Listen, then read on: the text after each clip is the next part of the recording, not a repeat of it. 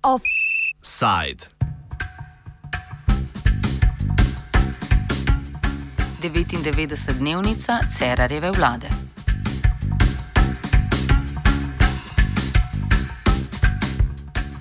Na jutrišnji dan samostojnosti in enotnosti bo minilo 100 dni vlade Mira Cerarja.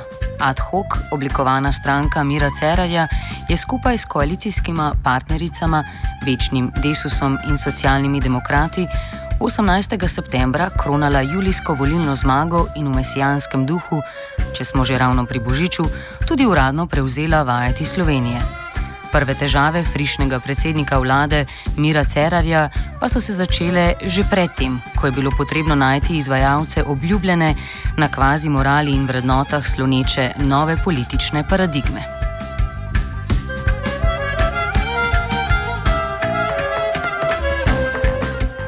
Sestavljanje ministerske ekipe je po mnenju urednika delove sobotne priloge Alija Žrdina potekalo predolgo.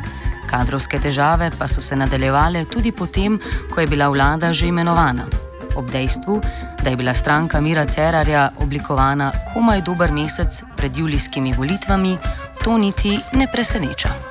To je um, neka čudna struktura, ki niti, niti ne moremo reči, da je um, stranka ti gre za združbo ljudi, ki so postavljeni okrog ene osebe, ne, okrog Mira Cerarja, ne pa okrog uh, interesov ali ideologije. Uh, dodatni paradoks je pa ta, da Mira Cerar, ne, okrog katerega je ta struktura postavljena, ni, ni nek karizmatičen voditelj. Ne. Pravi, nima, nima neke uh, fantastično uh, razpoznavne karizme, pa vendarle se ta politična skupina imenuje po njem. Ne? Kadrovski zapleti so krojili skoraj celotno prvo tromesečje aktualne vlade in dosegli višek z dolgotrajnim iskanjem gospodarskega ministra in z nespretnostjo pri imenovanju prvega moža slovenske varnostno-obveščevalne službe, krajše Sove. Pri tem pa je Cerarjeva vlada, poleg lastnih nesposobnosti, tudi talka nizkega ugleda politike. Ugled politike je uh, nedvomno uh, na najnižji točki v zadnjih 20-25 letih. Ne? Tako da to je razlog, zakaj hm, se ljudje ne odločajo za politično kariero. Um, drugi razlog, zakaj se ne odločajo za politično kariero, je, to, je, je, je dejstvo, da če se recimo odločiš prevzeti uh, ministrstvo za gospodarstvo, uh, se odrečeš tudi pomembnemu delu uh, svoje plače. Pač počivalšek, ki je um, z ugledne in dobre firme šel na vlado, danes zasluži občutno manj kot uh, v času, ko je bil pod četrtku. Uh, deloma verjetno več, uh, v medijih bo pa uh, se pojavljalo v nego, negativnih kontekstih uh, zelo hitro. Ne? In uh, to, to zagotovo ni neko stimulativno okolje, ki bi, uh, bi ljudi prepričalo, da, da grejo v politiko. Ne? Ker se od morale in vrednot, katerih smo se naposlušali v predvolilni kampanji in tudi kasneje, ne da živeti, se je Cerarjeva vlada morala kmalo soočiti s številkami. Predvsem finančnimi, saj je bilo potrebno oblikovati proračun za prihodnje leto. Tega pa tudi ta vlada, pod taktirko finančnega ministra Dušana Mramorja, ni znala brez vrčevanja. Sledil je prvi, po mnenju ekonomista Jožeta Mencingarja, povsem nepotreben konflikt s sindikati javnega sektorja. Jaz moram reči, da je bil ta dogovor oziroma prepiranje s sindikati precej nepotrebna stvar. E, to bi lahko rešili brez prepirov, konci bi bil vse ko prej e, jasen, zdaj se še zmeraj pravijo, da je še 30 milijonov. E, sam 30 milijonov je tako mehko denar, da je odvisen predvsem od tega, kakšna bo gospodarska aktivnost. Treba je vedeti, da je nekje v letošnjih desetih mesecih bilo pobranih približno 700 milijonov več davkov kot pa v lanskem letu. Še zmeraj imamo presežek na tekočem računu, tako da situacija pravzaprav ni tako slaba in lahko bi rekel, mogoče je dobro, da vlada čim manj dela, tem manj bo napak. Tik pred napovedanim protestnim shodom je vladi uspel dogovor s sindikati javnega sektorja, njeno brezidejno iskanje nadomestila za izpad zrezi načrtovanih sredstev v obliki novih davščin pa je razburilo gospodarstvo in delodajalce. Gospodarska zbornica Slovenije je iz protesta zaradi pomankanja vladnih ukrepov za oživitev gospodarstva celo izstopila iz ekonomsko-socialnega sveta. Predsednik zbornice Samo Hribar Milič mi smo izstopili in ne podpiramo teh ukrepov, ki dodatno obremenjujejo gospodarstvo. Zato sem posebej povdaril, da jih čaka realizacija tistega, kar so obljubili, konec koncev te naše zahteve v zvezi z razbremenjevanjem gospodarstva, oziroma s tem, da ne povečajo davki in prispevki obremenitev gospodarstva. To so obljube, ki so jih dali sami v koalicijsko pogodbo in še pred dobrim mesecem tudi v javnosti. Potem te reforme, ki naj bi jih konec koncev zapisali tudi v socialni sporazum, zaenkrat še niso dovolj natančne, da bi jim lahko verjeli, da z njimi resno mislijo. Tako da pod črto mislim, da je vlada upravila en del posla, vendar večji del posla jo še le čaka.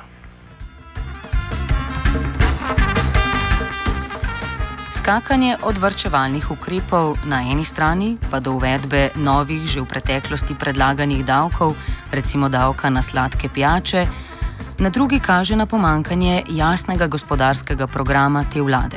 Jože Mencinger. Pravzaprav vlada prišla na oblast, brez da bi imela kakršno koli gospodarsko politiko ali pa gospodarski program.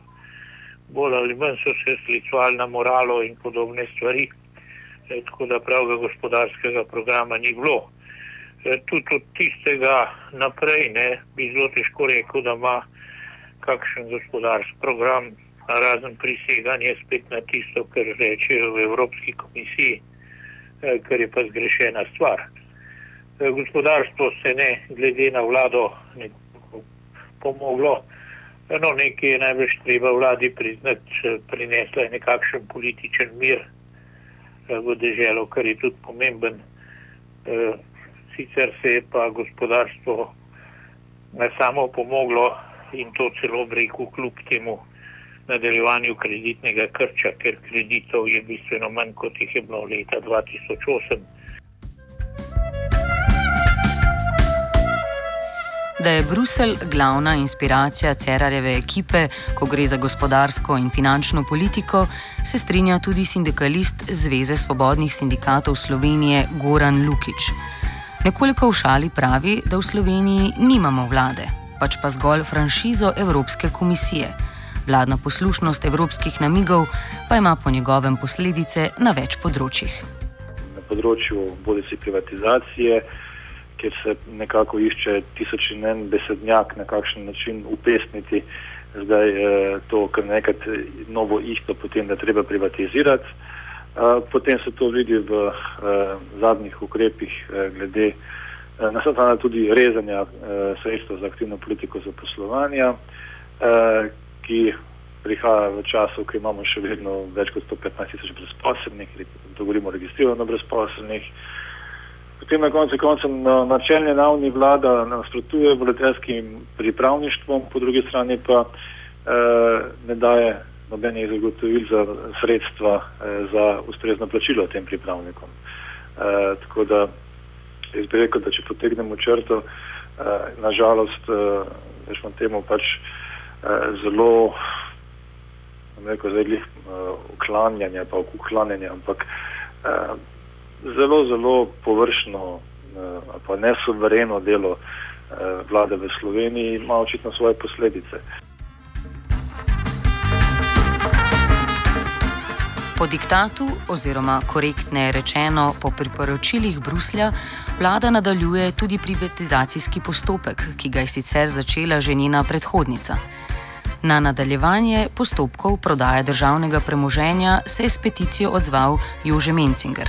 Do danes pa je o pomoči časnika Mladina podpisalo že več kot 8000 ljudi.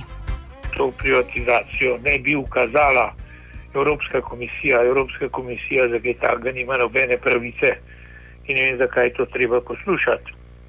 Druga, ekonomsko ni nobene nuje to privatizirati. E, tretja stvar, to bomo privatizirali dosti krat tako, da bodo naša državna podjetja prišla v roke e, državnih podjetij drugih držav.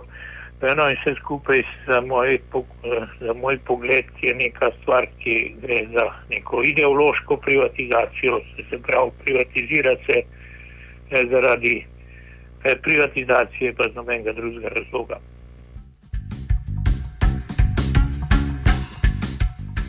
Po neuradnih podatkih želi vlada Mira Cerarja večinski delež ohraniti zgolj v energetskih družbah, SID banki, slovenskih železnicah in slovenski loteriji.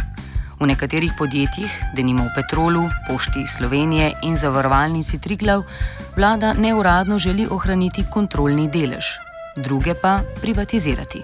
Pardon, nacionalizirati v roke drugih držav. Ali žrdin ko, ko jaz slišim besedo privatizacija, sem nekoliko začuden, ne, kaj ti recimo prodaja letališča Brnik. Za me ni privatizacija, kaj ti letališče Brnik je prevzela družba, ki je v, v lasti mesta Frankfurt in pa države, v kateri leži mesto Frankfurt, ne, oziroma Frankfurtsko letališče. Manjši del družbe Fraport, ki je prevzel uh, letališče Brnike v zasebni lasti. Ne. Tukaj ne gre, za, ne gre za privatizacijo, ampak za nacionalizacijo oziroma za, za zamenjavo lastnikov v javnem sektorju, prej bil ta javni sektor slovenski, zdaj pa nemški. Uh, podobne stvari se obetajo, čeprav razumem, lahko pri Telekomu,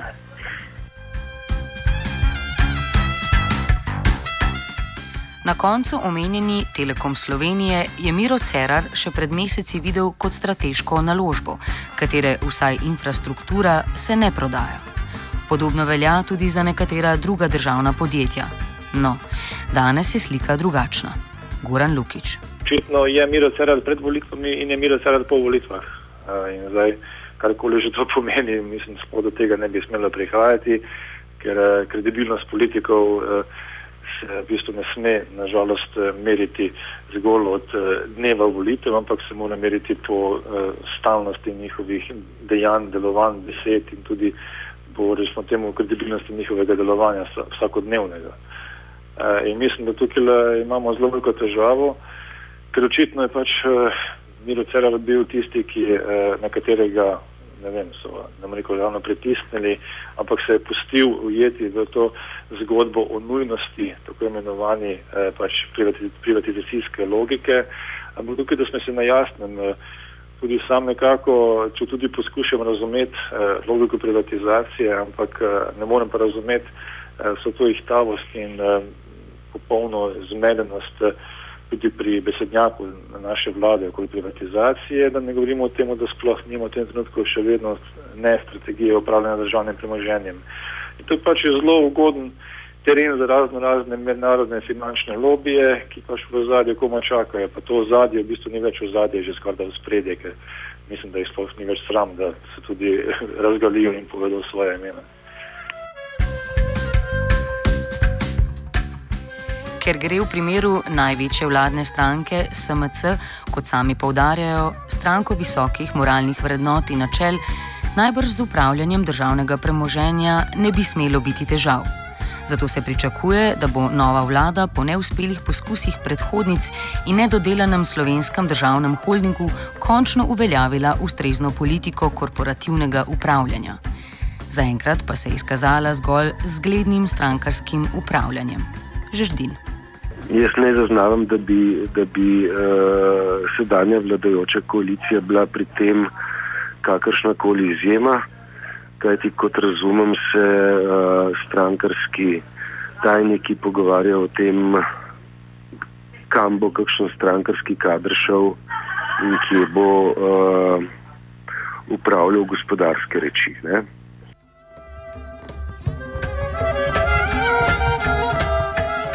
Finančnih cifrah, ki so 12. slovensko vlado obremenjevale v prvem dobrem tromesečju, je Cerarjeva ekipa vse čas pogledovala tudi številke, ki izkazujejo njeno priljubljenost. Te so za vlado zagotovo manj spodbudne in optimistične, a zato merodajnejše. Po eni zadnjih javnomnenjskih raziskav, opravljeni malo pred vladino 99-dnevnico, dela ministerske ekipe premijeja Mira Cerarja ne podpira več kot 55 odstotkov vprašanih.